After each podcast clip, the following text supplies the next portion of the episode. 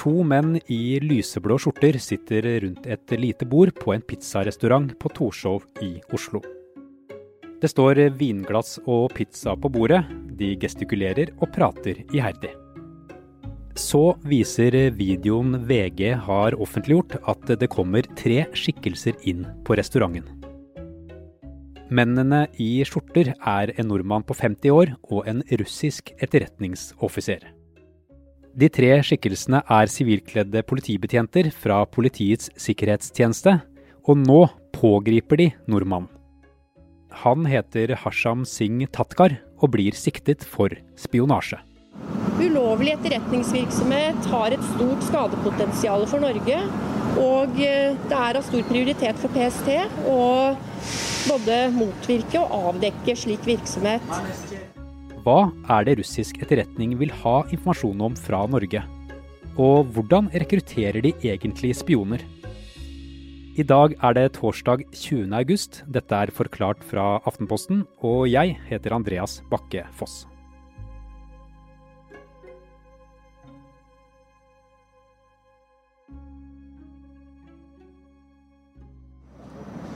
Mannen er siktet for overtredelse av eh, bestemmelser i straffeloven, nærmere bestemt 123 og 124, som gjelder, eh, gjelder overlevering av eh, skjermingsverdig eller sensitiv informasjon til fremmed stat som kan skade grunnleggende nasjonale interesser. Da politiadvokat Line Nyvold Nygård i Politiets sikkerhetstjeneste møtte pressen mandag, så var det for å fortelle om en ganske så spesiell sak. Det første reporterne ville vite, var hvilke land det var snakk om. Eh, siktelsen tar utgangspunkt i at det har vært eh, avholdt eh, møter mellom siktede og en russisk etterretningsoffiser. Så lurte de på om nordmannen ble tatt på fersken av PST. Eh, vi tok han etter at det hadde vært avholdt, eller han hadde vært på et møte med det vi oppfatter er en russisk eh, etterretningsoffiser. Hashram Tatkar han eh, kom til Norge i 1997 fra India, hvor han har tatt sin masterutdannelse, og begynte å jobbe på sin doktorgrad ved NTNU. Per Anders Johansen er journalist her i Aftenposten. Han har tidligere vært korrespondent i Russland og har bodd i Moskva i flere år. Og han kan mye om hvordan russisk etterretning opererer i Norge. Eh, han jobbet også som vitenskapelig assistent, og da han var ferdig i 2001, så startet en lang karriere hvor han jobbet med solenergi for REC. Han jobbet ved Sintef, og fra 2012 var han en eh, betrodd medarbeider ved DNV GL, det som folk flest forbinder med det norske Veritas. Hvor han eh, jobbet på en rekke ulike mm, prosjekter innenfor høyteknologi. Veritas er et stort internasjonalt selskap. De jobber bl.a. med å klassifisere skip, og med rådgivning til både petroleums- og energisektoren. De siste to årene så har Tatkar ledet et felles innovasjonsprogram for DNV, hvor eh, over 20 store konsern og virksomheter har eh, samarbeidet, utvekslet kunnskap og erfaringer for å lage retningslinjer for et av de mest spennende høyteknologiske områdene, nemlig det man kaller for 3D-printing. Dette dreier seg om å klare å produsere eh, reservedeler, deler til industrien ved hjelp av 3D-printere og lykkes man med det, så er det jo enorme summer å spare. Og dette er også et svært interessant tema for eh, militæret og Forsvaret. PST mener spionasje mot regjeringen, Stortinget og Forsvaret er en av de mest alvorlige truslene mot Norge nå. Som de foregående årene ønsker vi å synliggjøre at fremmede stater utgjør en utfordring og i enkelte situasjoner en potensiell trussel mot norske nasjonale sikkerhetsinteresser. De navngir etterretningsvirksomheten fra Russland, Kina og Iran som den største trusselen. Det PST mener eh, man har gjort, er å rett og slett eh, selge, eh, gi fra seg informasjon og få det de kaller ikke ubetydelig kontantbeløp tilbake fra en russisk etterretningsoffiser måten uh, dette har skjedd på, uh, har uh, både retten og PST tolket som skjult de har kommunisert sammen på en slik måte hvor man har prøvd å skjule for omverdenen at man skulle møtes. Og eh, på disse møtene er det da blitt eh, overlevert eh, penger og informasjon. Og dette skal ha pågått over, over lengre tid. Retten mener også det er grunn til å tro at han har vært klar over at dette var en russisk etterretningsoffiser, og ifølge siktelsen, som da er etter straffelovens paragraf 124, så har dette påført uh, skade. Med skade her så menes det informasjon som er så viktig at det kan skade norske interesser og funksjoner som er kritiske for at samfunnet i Norge skal fungere. Det kan f.eks. Være Forsvaret, helsetjenester, strømforsyning eller vannforsyning, telenettet eller andre tjenester som vi i samfunnet trenger for å holde oss oppe på en trygg måte. Så det er et uh, sterkt skadekrav som ligger i bunnen, og dette blir jo det viktigste nå i etterforskningen, nemlig å kunne dokumentere at den informasjonen han ga fra seg, virkelig påførte så mye skade.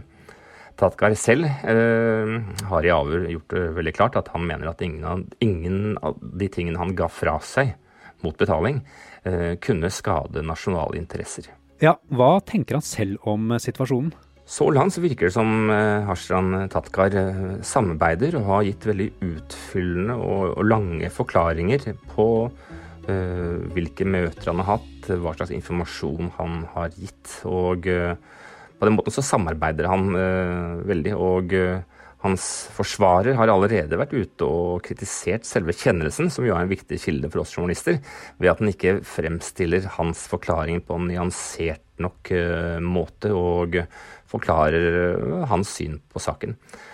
Og eh, for Tatgars del så er han nå inne i et eh, mareritt. Altså han er for det første varetektsfengslet i fire uker, men de to første ukene er han jo i fullstendig isolasjon. Han får ikke lest aviser, han får ikke vite hva som skjer. Han får ikke hørt denne podkasten. Og på et eller annet tidspunkt skal han ut i ja, få åpne vinduet, og da vil han få et sjokk for hans navn vil være kjent, og dette er en sak som kommer til å bli fulgt med stor interesse i uker og måneder, og kanskje år fremover.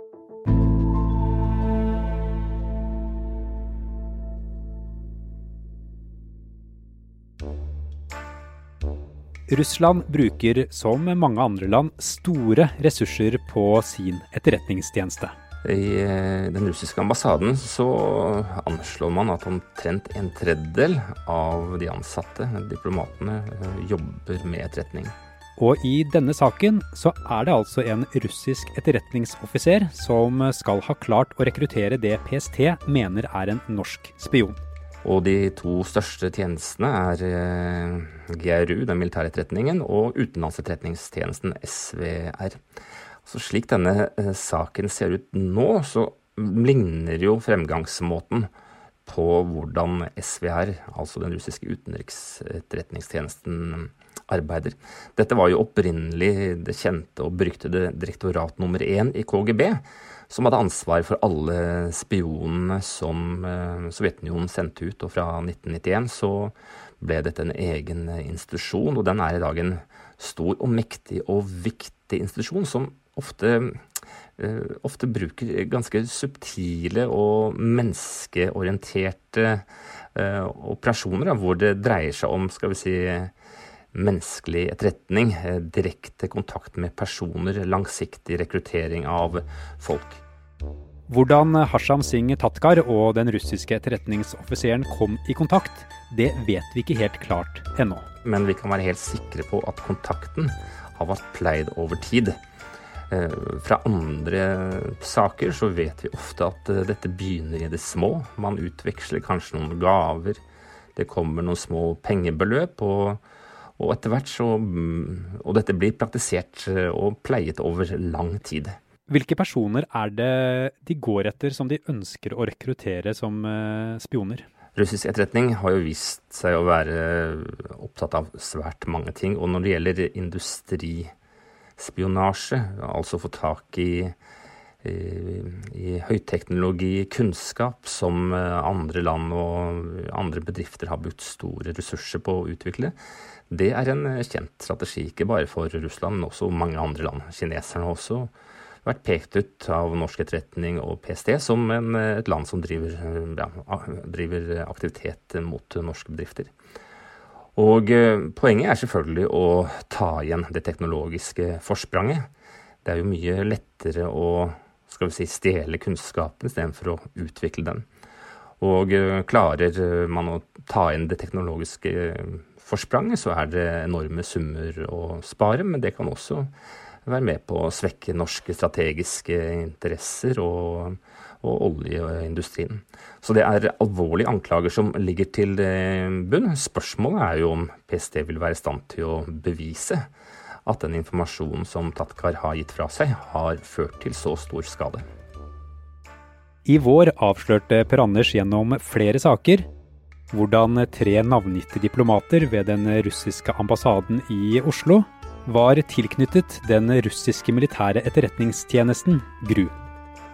Bare ved ambassaden her i Oslo så anslås det av eh, helt uavhengige eksperter at eh, om lag en tredjedel av de ansatte jobber med etterretning.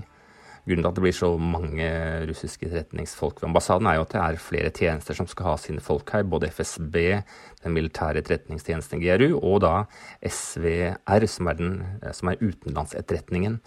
Og det er jo mye som tyder på at det er SVR, altså utenlandsetterretningstjenesten, som, har vært, eh, som er involvert i denne saken, fordi at de er kjent for å bruke ekstra mye krefter på industrispionasje. De jobber mye med såkalt humint, eller menneskelig kontakt, hvor de pleier kontakter mennesker over lang tid, ofte under dekke av å være journalister eller ansatte i et eller annet russisk selskap. Og, eh, og opptre nærmest som si, forretningsfolk, hvor de kjøper informasjon, deler penger, og etter hvert så strammer de grepet. Hva er det de vil ha informasjon om? Russerne er ute etter eh, all mulig informasjon som eh, de mener kan enten styrke deres forsvars- og sikkerhetsinteresser, eller rett og slett gi dem et, eh, en fordel innenfor eh, forretning og næringsliv. Og olje og gass er jo et veldig viktig område for russerne. Her har Norge hatt et stort forsprang. og eh, fra russisk side er det stor interesse å ta igjen dette forspranget istedenfor å måtte kjøpe norske tjenester. Så er det jo selvfølgelig lettere å, å stjele det. Og for Norge så er jo vår høyteknologiske kunnskap på olje og gass et av våre viktigste områder, kanskje noe av vårt arvesølv. Og det vil være svært alvorlig om viktige hemmeligheter kommer på avveie. Og det er jo kjernen i denne saken her. Kan PST dokumentere at uh, Tatkar har gitt fra seg hemmeligheter som kan skade norske interesser? I går så utviste norske myndigheter den russiske etterretningsoffiseren som har hatt møter med den spionsiktede nordmannen. Norge utviser den russiske diplomaten som var i kontakt med mannen som er siktet for spionasje.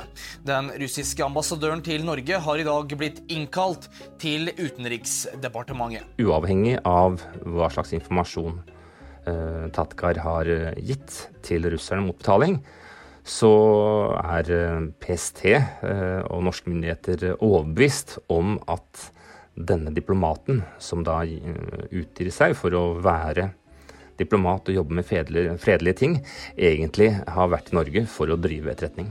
Og nå som Norge har utvist en russisk diplomat, så er sjansen stor for at russerne vil svare med å utvise en norsk diplomat. I går sa den russiske ambassaden i Norge at de mener visehandelsrepresentanten ble anholdt uten grunn av PST.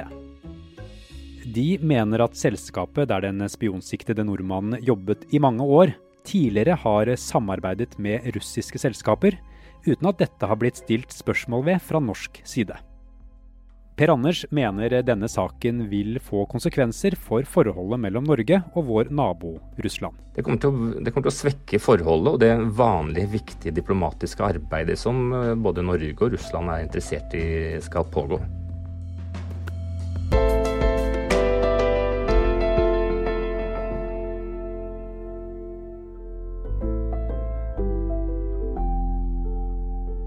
Forklart lages av Caroline Fossland, Anne Lindholm, Fride Næss Nonstad, Marit Eriksdatter Gjelland og meg, Andreas Bakke Foss. I denne episoden har du hørt lyd fra NRK og VGTV.